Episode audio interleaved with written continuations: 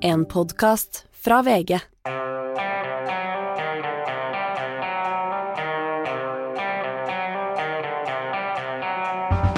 Ikke visste jeg at alle disse ukene som kom og gikk, var selveste uke 34. Og slutten av denne uka har virkelig levert på nyhetsfronten med, ja, med et mulig dødelig attentat mot Wagner-sjefen i Russland, presidentkandidatdebatt i USA. Og Donald Trump, da, i hermetegn blir arrestert i Atlanta, Georgia. Nå skal vi legge, bare, bare, si til dere at vi spiller inn det her før det som eh, eventuelt skjer med Trump i, eh, i Atlanta. Så eh, det som hans møte da med Fulton County Jail, det skal vi komme mer tilbake til over helga. Uansett, da. Uke 34. Eh, august blir snart til september, og det er valg om to uker. Men, eh, men først, eh, Hanne, eh, la oss begynne med Russland da, og, og, det som har vært eh, Kan i hvert fall ha vært en nedskyting da, av flyet til Wagner-bossen Prigozjin. Eh, altså, vi lever i helt nesten sånn historisk dramatiske dager. Det som er virkelig problemet til hele verden nå med Russland, er at vi vet så lite om hva som skjer internt. Det er store dramaer der man forgifter motstandere, fengsler opposisjonelle, veldig mange opposisjonelle drar. Eh, folk blir arrestert, og så er det da denne nedskytingen, altså det er et rent attentat mot uh, Wagner-sjefen. Men vi vet jo ikke hva som egentlig rører seg. Husk, diplomater er pælma ut. Tenkere har rømt. Det er veldig lukka. Vi er tilbake til det vi kalte kremnologi i gamle dager. Man måtte tolke hvor folk sto i rekkefølgen på Røde plass, og helt sånn nyanse for å få et bilde av hva som skjer. Mm, og jeg minner også om jeg har en veldig interesse for eh, den tidlige, tidligste tida i, kultur, altså i revolusjonen i Kina eh, under Mao, og der altså plutselig bare forsvant folk og ramla ned i fly, og det var eh, kampanjer som ble lansert for å renske ut, da, og det, det er liksom der vi er igjen nå. Ja, de tegna til og med, hvis du hadde et gamle oppslagsverk, så gikk de til og med å skare ut bilder av de som var borte. De bare fantes ikke lenger. Mm. Skrevet ut av historien. Retusjering. Retusjering, ja. ja. Sant? Og nå har jo også generalen Surovikin også blitt uh, eh, fjerna. Vi har ikke sett den siden juni. Altså, det er så mye som foregår der at det er snelt uh, umulig å, Eller det er helt umulig å ha oversikten da, hele tida. Uh, Sindre, du, du uh, fikk jo en slags sånn ja, filmatiske assosiasjon av det som skjedde med, med det flyet. Ja, dessverre, må jeg si. Eh, eh, det føltes jo helt surrealistisk. Eh, men det er jo en utrolig spesiell scene her, hvor Putin da markerer seieren i det store slaget ved Kursk under andre verdenskrig. På en scene, ikke sant. Kringkastet, fullt av soldater og markeringer akkurat samtidig omtrent som da Wagner-flyet styrter styrter mot uh, bakken. Uh, det gir meg assosiasjoner til Gudfaren, blant annet. Uh, den første filmen, hvor mot slutten Michael Corleone, som tar over hele mafiaapparatet, da er deltar i en offentlig barnedåp av sin nevø samtidig som alle motstanderne tas eh, livet av en koordinert aksjon. Altså, dette er eh, på et eh, nivå som ja, om vi ikke hadde visst bedre, nesten ville kalt kunstnerisk. Nettopp. Og det gikk, så vidt jeg fikk med meg, så tre minutter fra det der flyet ramla ned til passasjerlista var offentlig. Så her, det virker jo litt planlagt, det her, da. Ja, og det er jo, de aller fleste sier at det er jo Putin som står bak. Først så kalte han dette eh, et landsforræderi, og så var det plutselig greit, og Wagner-sjefen fikk gå fritt rundt i Russland. Putin tar ikke lett på sine fiender, selv om han kanskje later som en liten stund. Han begynner jo å, å nærme seg et gigantisk Nord-Korea, ikke sant? hvor eh, det han først og fremst står igjen med, er frykt og atomvåpen som kan utslette store deler av verden. Heldigvis da, så er dramatikken ikke like voldsom og neglebitende her i landet, da. Men det, det stunder jo mot valg, og eh, Ap, Arbeiderpartiet, fikk altså skrale 20% på VGs måling denne uka her, og det er vel lov å bruke ord som dramatisk eh, om det også, Hanne? Ja, men så har det også Hans Petter vært dramatisk lenge. Altså, Arbeiderpartiet ligger og har ligget lenge på et historisk lavmål. Det er klart, Jeg ikke, har ikke fått en supervei inn i denne valgkampen, men det er fortsatt eh, noen uker igjen, to uker igjen vel, til valget. Og politikken kan vi si at Det er ikke lang tid, men det er ikke en sånn superkort del. Vi vet fra tidligere at, det kan, eh, valgkamper at det kan skje mye på få uker. Hva tenker du om at eh, Jonas Gahr Støre plutselig befant seg i Kiev da, midt i valgkampen? Han hadde jo ikke noe, klart Hvis han hadde mulighet til å reise dit, så må han reise dit. Og om det gir noe gevinst på hjemmebane, det tviler jeg på. Vi vet jo at utenrikspolitikken ikke spiller noe særlig inn på, i hvert fall ikke på et lokalvalg. Og så tror jeg kanskje det for han er en litt sånn deilig luke, faktisk, i en ganske sånn traurig hverdag her hjemme. For han er jo først og fremst en utenrikspolitiker som er veldig opptatt av verden der ute. Du skal skrive en lørdagskommentar. Jeg tipper at ja, det er kanskje ikke Arbeiderpartiets problemer som er hovedfokus der, men litt kommer du vel inn på det? Ja, jeg har vært i Ålesund, eh, og der eh, ligger jo eh, tyder det på at Høyre og Frp sammen kan få flertall i den byen. Det er en Arbeiderparti-ordfører der nå. Og i Møre og Romsdal kan Frp bli det største partiet.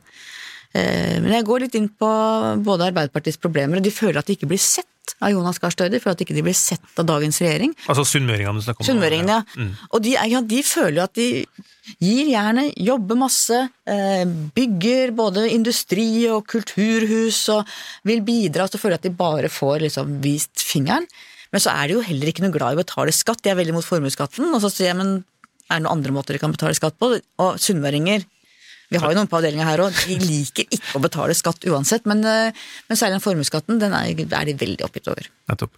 Uh, vi var innom det her, og vi ble enige om at vi skal være litt snillere med de rike, da, fordi uh, de får veldig mye pepper, stakkars. Pengefolket. Nei, men det er noe med Den norske modellen handler om at vi skaper verdier. Det er lov å være rik, det er lov å bygge seg opp, vi setter pris på det, samtidig som de som er rike og de som har mye, skal gi mye. Og Det er på en måte den norske modellen. Du skal ha suksess, men du skal også dele når du har suksess. Ja, kom, vi var jo, altså, kom jo meldinger også, Sindre, om at eh, Eller meldinger kommer, kommer tall da, fra f.eks.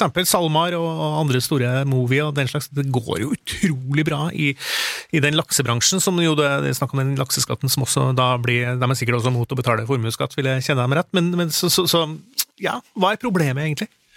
Ja, nei, det, det, det, kan du si. Det går jo fryktelig bra. og altså, Dette søksmålet ble jo lansert samtidig som eh, glitrende kvartalstall som viste at inntjeningen er eh, formidabel.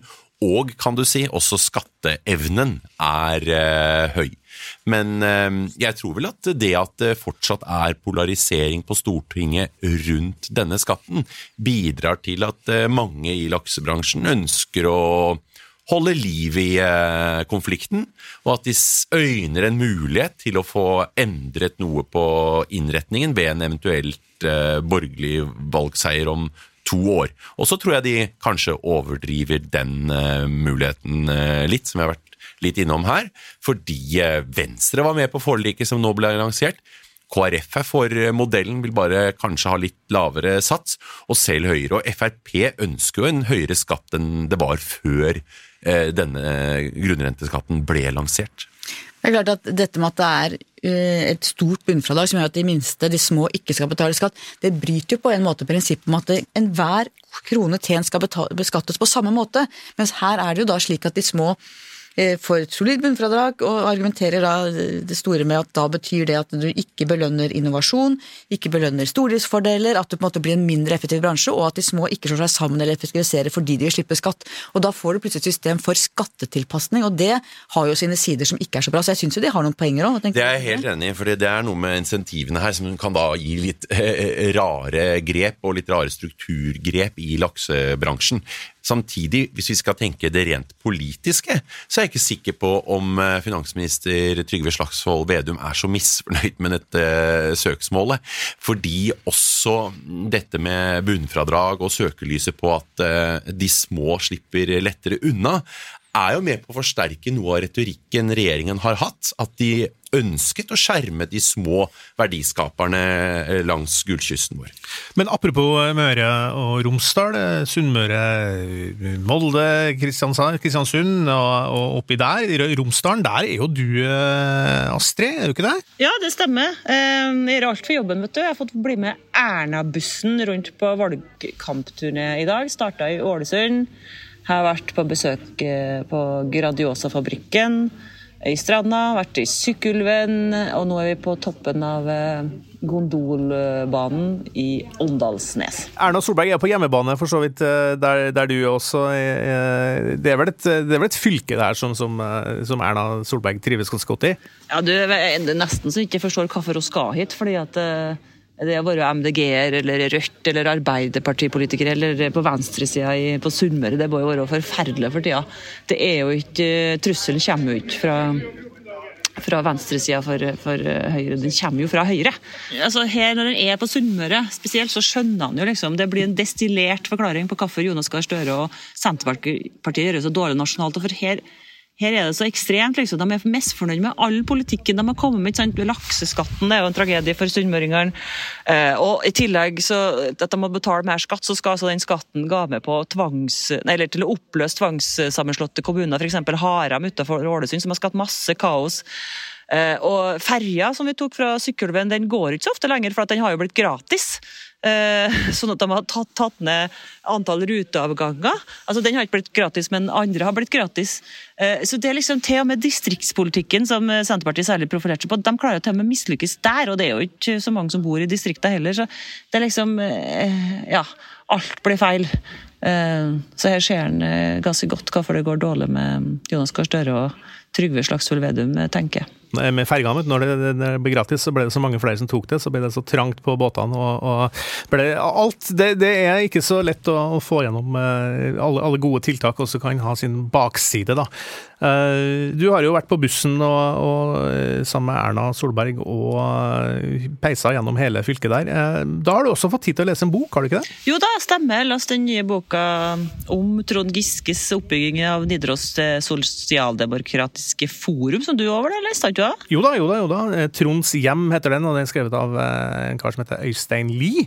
Uh, og ja, jeg har anmeldt en bok, vært tatt på meg bokanmelderhatten og, og trilla en ja, en liksom tam terningkast, da, terningkast tre. Men, men vi har jo, vi har jo slekka, som det heter på VG-språket, med hverandre om den boka. og Du syns det var i overkant strengt, du? Ja, det er jo kjempestrengt. Det nærmer jo femmeren. Jeg syns det var kjempegøy. Hans Petter, hva er det som er så misfornøyd med? Men nei, la meg heller spørre deg, hva, hva syns du var så bra med den? Nei, kan hende at jeg ikke har så høye forventninger, men øh, jeg syns det var artig at øh, forfatteren fikk tak i mange av de her medlemmene i Nidaros sosialdemokratiske forum, og slik gjennom deres historie klarte å fortelle en litt større historie om hvorfor det her lokallaget ble så utrolig populært i Norge. Ble det største eh, arbeiderpartilaget i Norge. Fikk ganske stor makt en periode, i hvert fall. Og var på alles lepper. Handla jo om folk med artige, spennende historier, men som òg har gått på trynet, som har havna på trygd og blitt ufør. og Eh, er misfornøyd med strømprisene og ja, det er ganske artig. Og noen har til og med vært veldig glad i å drive med isbading, og, og det har vært innpå med uh, ideer om å fryse ned folk etter dem er døde og sånn. Det har vært mye rart som kom når den fjøslukta ble satt ut. Ja, altså Du tenker på Trygve Bauge, han som fryste familien sin? Ja, han, Jeg tenker på Trygve Bauge, ja. ja. Han er en sentral del i historien ja, om hvorfor han ble med i i Trond Giskes eh, parti, og det er jo fordi at han, han sier i hvert fall at han er liberalist, og det der metoo-greiene. altså Folk fortjener ikke eh, en sånn eh, type straff for noe som ikke er straffbart, osv. Han må få holde på. Så han er kjempeinteressant historie. Det er flere andre som har det. Jeg syns det er ganske godt fortalt. fordi det er jo ikke alltid det er så lett å finne interessante historier om velgerne, eller støttespillerne. Mm, men jeg syns kanskje boka lider litt under at han skal være litt, eh, litt for sånn eh, bråkjekk, han forfatteren. Det blir litt sånn, eh, litt sånn påtvungen gonzo-journalistikk, da, som, og særlig rammes det når han skal beskrive landsmøtet i Arbeiderpartiet. For han prøver det som var i mai, og han prøver å lage en veldig sånn dramatisk setting rundt det, hvor det egentlig var veldig lite dramatikk på det landsmøtet. Det var egentlig ganske kjedelig, det, hele, hele landsmøtet. Men han klarer liksom ikke å etablere det store spenninga rundt det. For, for, for, det er jo sånn, Trond Giske han er jo en som aldri gir seg. Det, han har mange mange politiske liv. da, og I boka Astrid, så virker det som at hele fisla litt ut på det landsmøtet. Det virker på meg som når du leser det, at, at hele forumet er liksom, ja, kanskje litt over høyden? da? Ja, det er jo det som er interessant med boka. Den forteller om oppbygninga, hvordan gjør det, hvordan samler støttespillere, og eh, sminka ikke akkurat på framstillinga. Trond Giske kan eh, virke som han eh, bruker folk eh, for å få makt, og han tråkka delvis på dem når han ikke trenger dem lenger. Eh, og så viser jo boka hvordan det går nettopp, sånn som du sier, går nedover da, etter nederlaget på landsmøtet, der etter hvert de her medlemmene i forumet som han har fortalt om forfatteren, de gidder nesten ikke å komme på møte etterpå. og Trond Giske prøver å stå på talerstolen og si at det gikk jo ganske bra. Flere seire på det landsmøtet, så egentlig gikk det kjempedårlig. ikke sant? Men det som som jeg tenker til å lese boka, er at det er kanskje eh, Det er tolkning, da, men det er ikke over for Trond Giske. For det her kan han jo. Han lyktes jo nesten med å bygge opp det partiet, og han kan gjøre det igjen. Så det kan godt hende at han har tenkt å stille til stortingsvalget neste gang, eh, ut fra det jeg leser i hvert fall. Garantert at vi ikke har sett det siste av Trond Giske i norsk politikk. Tilbake til, til politikken, da, fordi vi har jo også hatt en måling her i i i VG da, om, om bergenspolitikken, for den er også ganske eh, til liks med Oslo og andre steder, så er det veldig jevnt da mellom blokkene. Høyre gjør det kjempegodt i, i, Bergen også, men det er jo ikke gitt at at Kristine Meyer blir byrådsleder for det, Hanne, fordi her kan mye skje i Bergen. Ja, det er allianser igjen. Hvem velger Venstre å være sammen med? Hvordan går det med den Bergenslista hvor tidligere Arbeiderpartipolitiker Trond Tystad styrer? Det handler stort sett bare om Bybanen. Altså, det er uh, mye som kan skje i bergenspolitikken. Som alltid, vil jeg si. Ja, Det er alltid dramatisk eh, på, på, i Vestlandets hovedstad. Eh, Arbeiderpartiet jeg går inn intervjuer med, med, med dem, men de tror fortsatt at de kan få dem ikke det til sånn at de får fortsette. Men, men, det er også sånn i Oslo, så det er jo også litt sånn uklart hvem det som eventuelt lander ender opp sammen i, i byråd der òg. For der er liksom Venstre flørter bitte litt med, med, Arbeiderpartiet, og, og, Miljøpartiet De Grønne forsøkes lokkes over til høyresida. Så det, det, det, det, er sånn typisk i norsk kommunevalgkamp, så, så blir, det, blir det mye spill også etter at valgresultatet er klart. Ja, og Her ligger jo også Senterpartiets håp, f.eks. For, eksempel. for Senterpartiet er det partiet i Norge som er flinkest til å bygge allianser slik at de beholder flest mulig ordførere. Så, så de, de, går jo alltid til begge sider, men det er, du har rett, i kommunepolitikken er det veldig mange rare konstellasjoner som er eh, overraskende. Også for at det handler jo både om saker som er ganske sånn ingen er mot sykehjem, ingen er mot barnehager, det er stor enighet, det er ofte liksom kommunen mot resten i mange saker, og så er det personvalg i stor grad, hvor du kjenner folk bygdas beste menn og kvinner og stemmer på dem litt uavhengig av parti. Og, og, storbyene blir også så fascinerende og litt uoversiktlige fordi at mange av de partiene som ofte er små eh, i mer rurale strøk, de er gjerne ganske store i byene. Og vi ser jo det på målingen vår òg at um, Arbeiderpartiet har en sjanse, men det er jo sammen med en stor og bred koalisjon eh, fra, fra, ytterste venstre og langt inn mot sentrum. Og de håper jo også å trekke med seg Venstre. da, Venstre sier at de foretrekker Arbeiderpartiet hvis det er håp om flertall i Bergen. Men da, da får jo eh, Arbeiderpartiet en, en, en, mektig, stor jobb med å samle dette eh, laget av sprikende staur. Men det gjør også at eh, det er litt uoversiktlig, og at det er håp også for Arbeiderpartiet, steder vi kanskje ikke ventet at de ville gjøre det så sterkt når vi ser de landsdekkende Men det var jo mye lettere før, da, når Arbeiderpartiet fikk 40 Da kunne de diktere alt sammen. Men det, det virket som at det, altså, Vi har jo sett målinger i Sverige. altså Sosialdemokraterne der borte de får 40% på målingene. I, I, I, Norge virker jo det som en illusjon. Eh, altså Helt umulig og overskuelig framtid. Ja, Jonas Gahr Støre fikk jo opp i 40 da med en gang han tok over, og så raste det ganske kjapt mot eh, stortingsvalget i 2017 et par år etterpå. Uh, og jeg tror det er veldig få Arbeiderpartiet som våger å drømme selv i sine søteste drømmer å komme tilbake til 40 Drømmen nå er kanskje å nærme seg 30 men tallene fra Sverige må jo inspirere litt. må tenke at det, altså det, det, er jo ikke sånn at uh, sosialdemokratiet som folkebevegelse er dødt heller. Altså det, det er muligheter. Det handler også mye om posisjon og opposisjon, for der er Sverige, eh, Sosialdemokratene i Sverige er opposisjon, som Erna er her. Og i dårlige tider, hvor det er eh, 'it's the economy stupid', som vi gjentar til det kjedsommelige, så er det de som er i posisjon, som blør. Og jeg vil gjerne trekke en analogi da faktisk til Tyskland, hvor eh, vi har Sosialdemokratene også i posisjon. Og tyskerne velger jo eh, eh sitt parlament eh, like etter oss hvert fjerde år. Og der har du også da samme situasjon, at du gikk fra et, en blå regjering som styrte under pandemien, hvor hvis du håndterte det relativt godt, så var du også i stand til å dele ut store støttepakker og kunne eh, flyte litt på det. Eh, så måtte også de tyske sosialdemokratene ta over og så ta mye av, eller i hvert fall noe av ansvaret for dyrtiden. Og da ser vi jo at sosialdemokratene i Tyskland sliter vel så mye som Arbeiderpartiet her hjemme. Og du har altså det ytre høyrepartiet AFD, som faktisk nå konsekvent i alle målinger tatt opp i august har ligget foran Sosialdemokratene. Skremmende utvikling. Og jeg må jo si, og veldig overraskende også at det har gått så fort eh, i Tyskland. Eh, Hva med danske modellen, der man har en, gråse koalisjon, for å si det på dansk, for å si på tysk, eh, mellom altså Arbeiderpartiet samarbeider, eller altså Sosialdemokratiet samarbeider med, med høyresida? Hva tenker du om det? Hadde det vært mulig i Norge da, Hanne? Det er jo noen som av og til sier at tenk hvis Høyre og Arbeiderpartiet, de så store ansvarlige partiene, kunne samarbeide. Jeg tror det hadde vært katastrofe, for da hadde fløypartiene blitt mye sterkere. For da hadde de to ansvarlige partiene begge blitt upopulære for at de tok upopulære valg. Så jeg tror det er helt viktig at du har Høyre og Arbeiderpartiet på hver side av streken, som har sine partnere litt sånn rundt omkring.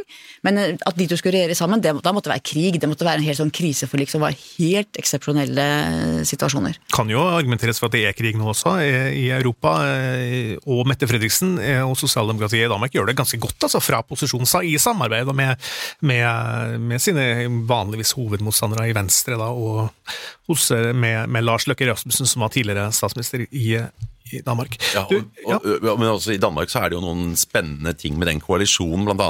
Venstre, som er litt det tradisjonelle partiet for bøndene, men som da lettere kan samarbeide med Mette Fredriksen, fordi hun har dratt sosialdemokratiet ut av byene og mer har dratt opp oppslutning på landsbygda. Altså nesten blitt distrikts, eh, en distriktsregjering der nede. Mye mer enn under såkalte Gucci-hellet, som var mer enn en byenes eh, statsminister.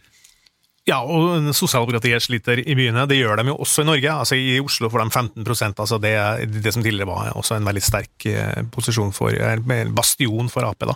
Så, eh, Men eh, det er ganske vanskelig å se hvordan de skal hente igjen med velgervekst i tida som kommer, også etter valget. Men du, Sindre.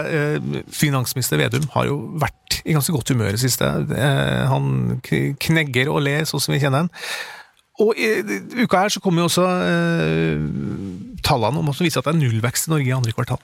Altså vi, det, det står, det, norsk økonomi står på Det skjer egentlig lite. Det skjer, vi, vi er helt uh, jevnt, og det er høres litt skummelt ut, men Vedum syns det er fint. Ja, og han har jo på mange måter rett, for dette er jo litt av hensikten med de brutale rentehevingene, disse tolv hevingene vi har fått fra Norges Bank på to år.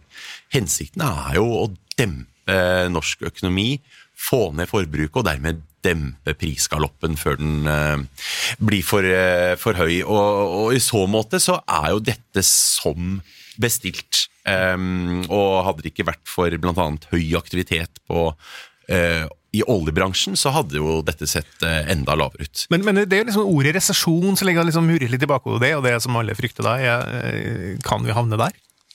Vi kan jo det, eh, og, og vi så jo også denne uken eh, blant annet at gjeldsveksten i Norge eh, nå virkelig eh, faller. Den er på 3,7 det siste året. Det, det, det kan man tenke oi, det er jo fortsatt en del, men det er jo faktisk da langt under det vi kan forvente å få av lønnsøkning, og det vi kan forvente å se av prisøkninger i år. Så det er noe helt nytt. Så nå, nå har vi de laveste tallene i dette århundret. Så det er, det er et paradigmeskifte, egentlig. Um, og det, det er egentlig uh, som det skal være for at vi skal nå rentetoppen og bli ferdig med disse eh, rentehevingene. Men vi risikerer jo at det, det blir for mye, da. At luten blir for sterk. Og, og det ser vi vel først om ledigheten virkelig bykser opp. Det har den virkelig ikke gjort ennå, men gjør den det, så går det gjerne mye mer utforbakke enn det selv Norges Bank kan leve godt med. Så er det klart at selv om har, gjeldsveksten har vært mindre, så er vi et veldig forgjelda folk. Sånn at den eh, renta biter jo hardt på folk, og det kan jo gå gærent. Vi husker jo, i hvert fall jeg i hvert fall, jeg vet ikke om du husker det, Sindre, men gjeldskrisa på 1990-tallet, hvor du fikk sånne gjeldsordninger hvor folk fikk fem år på å nedbetale, leve på sosialstønadssatser, og så ble det gjeldfrie. Det var, det var virkelig en gjeldskrise hvor veldig mange mista alt og måtte virkelig krype i mange år. Mm. Og det er selvfølgelig eh, det store skrekkscenarioet, og det må vi alltid huske på. Eh, Jeg husker det ikke personlig, men jeg har snakket med veldig mange og hatt podder og alt mulig om det mange ganger etter det, og det er jo den store skrekken i bakhodet der, og så er det mye som eh, tror jeg er slik innrettet i norsk økonomi nå at vi ikke får en repetisjon av det.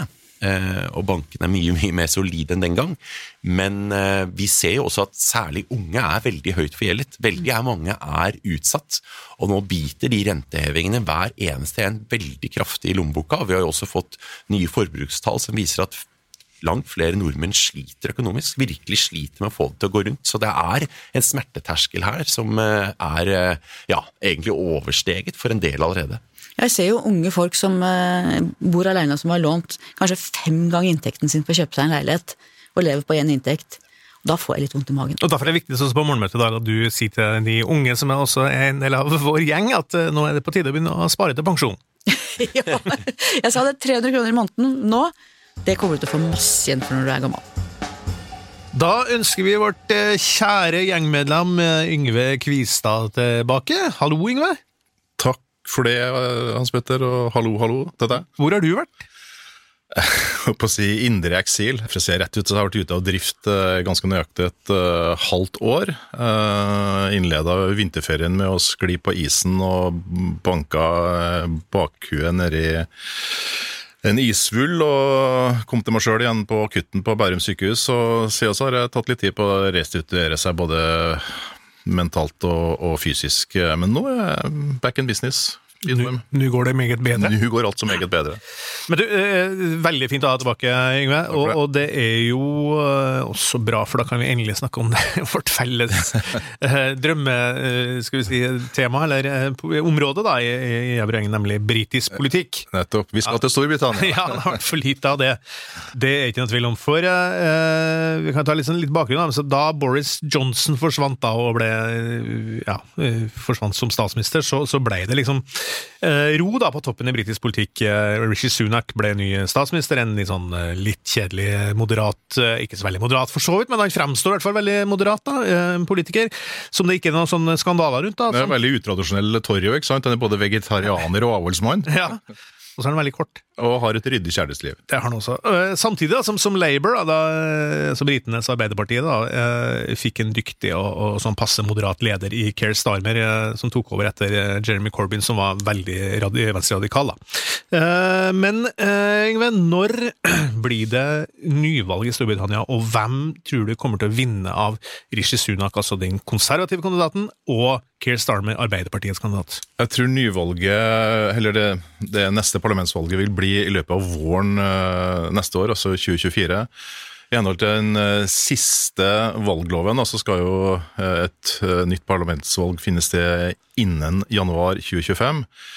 Men med de meningsmålingene som er nå, så blir jo Rishi Sunak av såkalte senior Tories råda til å ta valget så snart som mulig, og fortrinnsvis i løpet av april-mai 2024. Og Det er litt sånn historiske Eh, begrunnelser og, og, og, og, en historisk bakgrunn for, eh, for, for, nettopp det. For at hvis du ser på altså vi ser på meningsmålingene nå, da, så leder jo Labour med eh, altså på den Poll og Poll-undersøkelsen som ble gjengitt av Politico nå med ja, Den ble tatt opp rundt 20. august så ligger jo Labour på 44 og, og konservative på, på, 27 altså De leder med 17 prosentpoeng. og På en annen måling så leder de med 20, og på en annen 15 så Det, så liksom, det er liksom sånn, det er tosifra i, i, i det landskapet der.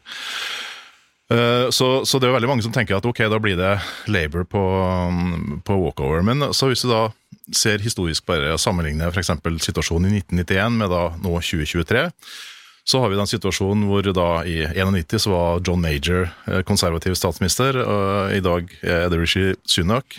Ganske like typer egentlig, på et eller annet ja, nivå? ikke sant. Eh, jeg skjønner hva du mener. Moderate, eh, også litt sånn pleasant, høflige folk.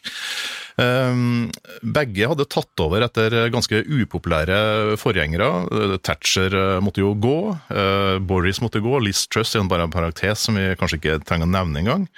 Eh, begge leda en, majoritets, eh, en majoritetsregjering. Eh, begge var også finansministre under, under forgjengeren.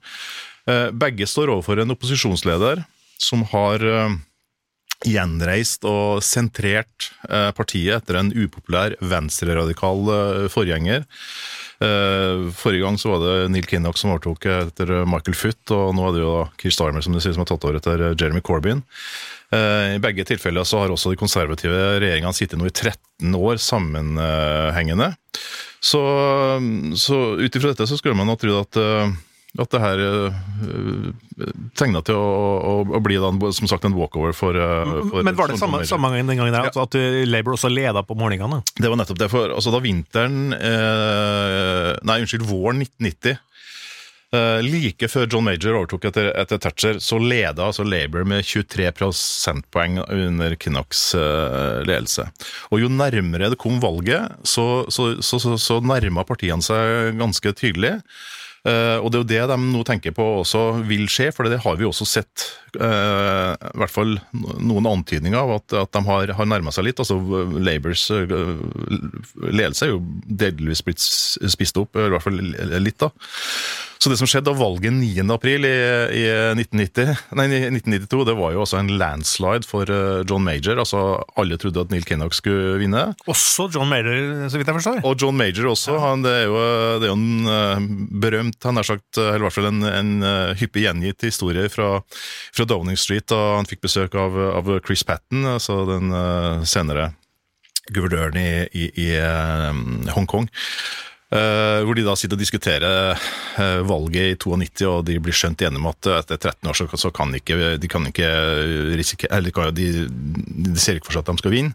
For da vil det bli fem nye år med, med Labour, og det vil, altså, med konservative, og det vil si altså sånn 18 sammenhengende år. Og det er ikke bra for dem, eller det er ikke bra for partiet, det er ikke bra for nasjonen. Så de nærmest forbereder seg på at det ikke skal gå sånn. Og så blir det altså som sagt en såkalt landslide. De vinner, John Major vinner altså med 14 millioner stemmer. Det er til dags dato det største og det høyeste stemmetallet noe politisk parti i noe valg har fått gjennom historien i, i, i Storbritannia. Og så ble den da sittende ytterligere fem år, da. Og det er en ganske sånn underkommunisert historie. at ja. John Major blir jo sett på som en sånn uh, Ja, Litt sånn tafatt på en måte, egentlig. Han hadde jo også, og en parentes også. på Ja, og hadde Black Wednesday og hele sammenbruddet i økonomien. ikke sant? Så han, han, på en måte, han er, han er, underkjent. Jeg mener jo oppriktig at han er den eh, mest underkjente og mest undervurderte statsministeren i, i moderne britisk uh, historie. Uh, han, han, gjorde ting både også med økonomien. Han var upopulær pga. det, men altså, han klarte å få ned, få ned inflasjon. Han fikk ned arbeidsledigheten. Han fikk opp produktiviteten produktiviteten og, og økonomien i, i, Storbritannia, så, så, Tony Blair kom til dekka bord. Ja, og så kan du si at uh, han eh, Major var ikke akkurat en populist. Han jo en uh, ordentlig seriøs, ansvarlig politiker som, som, turte å ta upopulære beslutninger. Da. Ja da, og det har han til dags dato vært en sånn talsmann mot populisme, som han mener er en, en egoistisk form for, for politikk. da. Så han øh, øh, også, også, under Boris Johnson så var han jo ekstremt kritisk mot, øh, mot Johnson. Og etter at Johnson forsvant, så har han jo egentlig nekta å diskutere, nekta å, å snakke så mye om Boris Johnson, for som han sa senest i podkasten som vi liker veldig godt, altså The Rest Is Politics, og sa at I won't mention his name because that's what he wants. Altså jeg vil ikke nevne navnet hans, for det er akkurat det Boris Johnson vil. Mm. Og da ser vi også Parallellen nå er at uh, Rishi Sunak, da, som, som uh, tok over etter Johnson, og Liz Truss, som jo var statsminister et kvarters tid, uh, er litt samme typen, og ligger nå langt etter. Det er alle sammen i, i det britiske si, kommentariatet, og så det sier nærmest at Labour kommer til å vinne det her. men da plutselig er det lurt å minne om det som skjedde da den gangen. Ja, det, det er nettopp det, og, og, det er jo faktisk ikke sånn at uh, Altså, det, ting har jo skjedd siden 91-92, eh, selvfølgelig. Man antar jo i hvert fall at meningsmåling har blitt bedre, eh, sjøl om at enkelte ting kan tyde på at ting er ved det gamle. Ref brexit og, og Trump og sånn.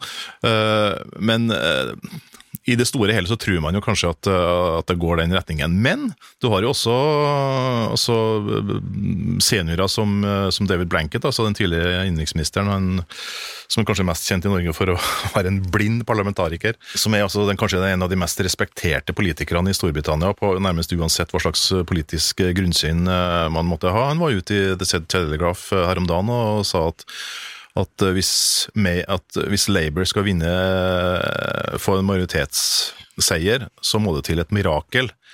Eh, så han antyder jo at det kan bli et, en, ja, en liten majoritet eventuelt, eller et såkalt hung parliament, men med eh, Labour som, som, eh, som får regjeringsansvaret. Og det er jo på grunn av eh, altså en, valget i enmannskretser sånt, gjør at det er vanskeligere å forutse akkurat det. Så det betyr jo at av de 650 setene da, i Underhuset i dag, så må da Labour vinne minst 326 av dem for å få majoritet. Og det er ikke så opplagt ifølge, ifølge David Blanket. Og også flere Tory-seniorer eh, sier det samme, at eh, jo, det er vel en stor sjanse for at, at Labour kan vinne, men for å da sørge for å minimere det forspranget mest mulig, så oppfordrer de da Rishi Sunak til å kunngjøre et valg så tidlig som mulig, og gjerne da april-mai 2024. Og da vil jeg altså stå mellom eh, Sunak da og et, et, på et eller annet nivå i hvert fall litt eh,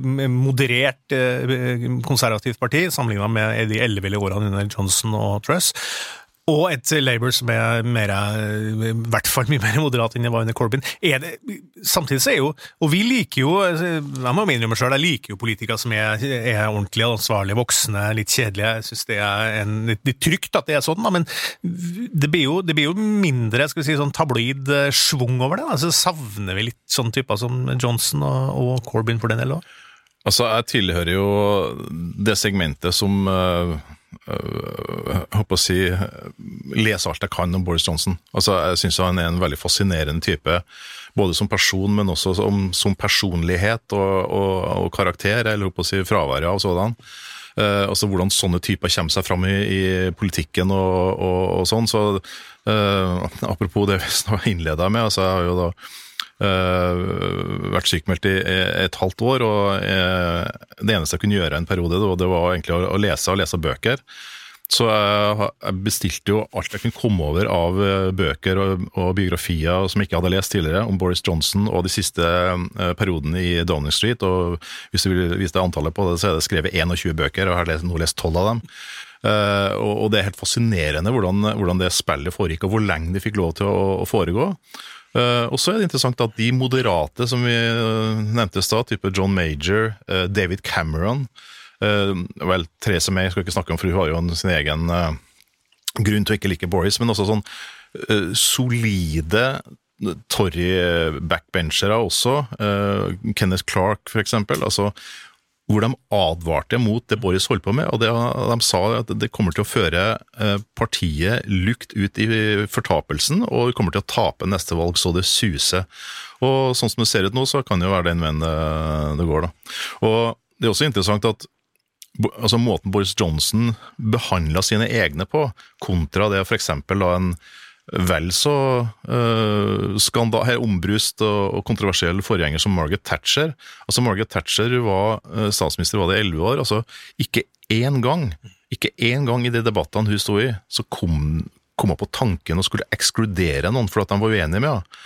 Mens Boris Johnson gjorde nettopp det, da ekskluderte folk fra partiet fordi at de var ikke enige i hans uh, no deal brexit. Uh, Eh, forslag. Jeg tror mange i Storbritannia er innerst inne veldig glad for at den Boris-perioden, Boris Johnson som jeg si, er, mm. er, er, over, fordi det var masse tull og tøys og en ganske autoritær eh, personlighet, egentlig. Mm. Jeg er helt enig med leser jo alt som er om henne. Jeg har truffet Boris Johnson jeg snakka med ham sjøl, og han jo, har jo en merkelig karisma, så det er jo lett å på en måte like ham litt, men det, det, er jo litt skummelt med sånne folk da, som har en sånn som er åpenbart drevet av en sånn indre personlig ambisjon ambisjon da, som, som kanskje overskrider litt uh, det politiske også. Mm. Du ser jo litt, uh, en liten parallell i hvert fall til det som er i USA med Trump. Men uh, uten å dra deg for langt, Jeremy Corbyn da, han så jeg jo sist her i Norge, så han sto på talerstolen til Rød Ungdom og tenkte at en såpass ytterliggående person var leder av Labour, kunne blitt statsminister i Storbritannia. Det er ganske rart å tenke på. Altså. Han kunne ikke blitt statsminister i Storbritannia. Du dra på litt av i spørsmålet.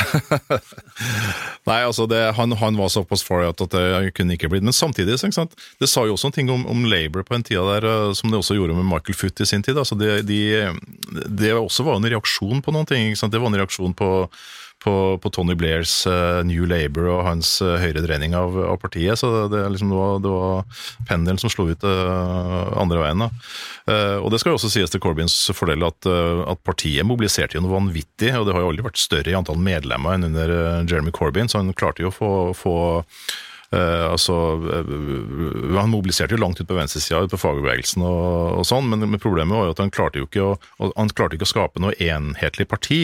Uh, han, han, han, klarte ikke å skape noen retning som folk ville ha, og det så vi også i de valgene der han stilte. Altså, så, så, gikk det jo veldig veldig dårlig med, med Labour. da. Som også kan altså, forklare hvorfor Boris Johnson gjorde det? Ja, selvfølgelig. Og så er det én ting til, bare for å avslutte med det, og det er jo også utviklinga i Skottland. For den har jo også blitt kommet i fokus nå pga. altså rundt SNP, skotske Eh, Nasjonalpartiet og eh, Nicola Sturgeon og hennes eh, si, litt sånn tragiske avgang som, som leder, og de muligens økonomiske kalamitetene rundt det. Både hun og mannen er jo under etterforskning for økonomiske misligheter. Ingen er dømt, bare så det er sagt. Men det har jo også da ført til at, at SNP har jo begynt å krakelere. Og det betyr at Labour går fram i, i, i, Skottland, og de har jo ligget virkelig langt nede. altså, på, altså Da SNP lå på 54% og sånn, så, og det var bare 2020, så lå jo Labour på, på 16 og de har jo hatt veldig, veldig problemer. Nå har begge partiene fått uh, nye ledere. Anna Sarwar og Humsa Yousaf, begge av pakistansk opprinnelse for øvrig. Interessant. Uh, og nå ligger jo uh, SNP på 36% og Labour på 32, så er det bare 4 som, som, som, skiller dem. Og sannsynligvis så vil Labour gå fram ytterligere i, i, Skottland. Vi skal prate utrolig mye mer om britisk politikk fremover, og til det siste du sa, så er det jo en, en slags trøst for Jonas Gahr Støre og Arbeiderpartiet hjemme at det, det, går an å oppnå ganske gode, i hvert fall på målinger, for den type parti. Da. Du ser det ikke bare i Storbritannia. altså i Sverige, hvor eh, sosialdemokratene under Magdalena Andersson snuser på 40% på målingene. Så det er ikke helt over for sosialdemokratiet ennå. Det er veldig godt å ha tilbake, Yngve. Vi skal snakke mer om eh, britisk politikk, og så får vi se når det valget blir avholdt. Eh, med det så runder vi av selveste uke 34. Yngve Kvistad, Hanne Skartveit, Sindre Heyerdahl, mitt navn er Hans Petter Sjøli. Med oss fra fjelltopp på, i Romsdalen er Astrid Mæland, og mannen som alle i gjengen gruer seg til skal skrive en bok om det som har skjedd i kulissene her i denne podkasten, det er vår produsent Magne Antonsen. Ha en riktig god helg.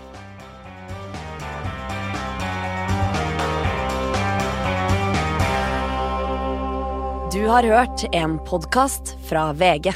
Ansvarlig redaktør, Gard Steiro.